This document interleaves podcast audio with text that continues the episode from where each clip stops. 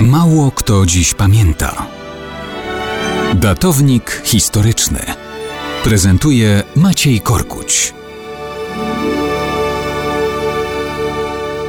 Kto dziś pamięta o tym, że w australijskich Sydney i Canberrze znajdują się dwa działa okrętowe ustawione jako pomniki chrztu bojowego tamtejszej Royal Navy. Historia ta łączy się z dniem 9 listopada 1914 roku, a zaczęła się wcześniej w 1908, kiedy z niemieckiej cesarskiej stoczni w Gdańsku zwodowano pancerno-pokładowy lekki krążownik Emden. Został on dołączony do niemieckiej wschodnioazjatyckiej eskadry krążowników. Kiedy wybucha I wojna światowa, Emden staje się samotnym łowcą, korsarzem, polującym na statki handlowe, porty i okręty aliantów. Historia tego okrętu obfituje w filmowe sceny i brawurowe akcje. Dość powiedzieć, że dla upozorowania, że jest jednym z brytyjskich krążowników, dobudowano mu dodatkowy sztuczny komin. No i działał intensywnie pod dowództwem komandora Karla Friedricha von Müllera.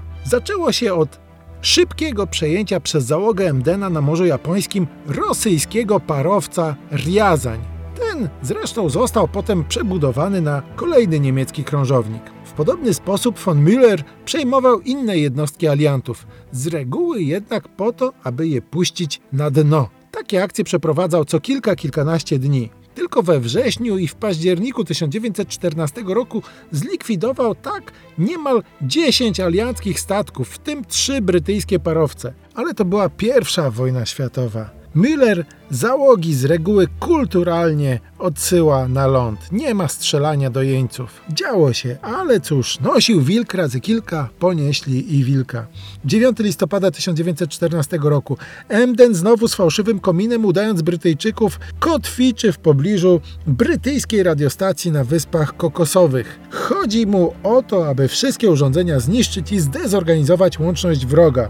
Ale komunikat o zagrożeniu zdołał odebrać australijski lekki krążownik Sydney. Niemcy są zaskoczeni jego pojawieniem się. Otwierają ogień, kilka razy trafiają, ale Sydney jest nowszy, zwinniejszy, ma lepsze działa i o większym zasięgu. To ostatnie okazuje się kluczowe.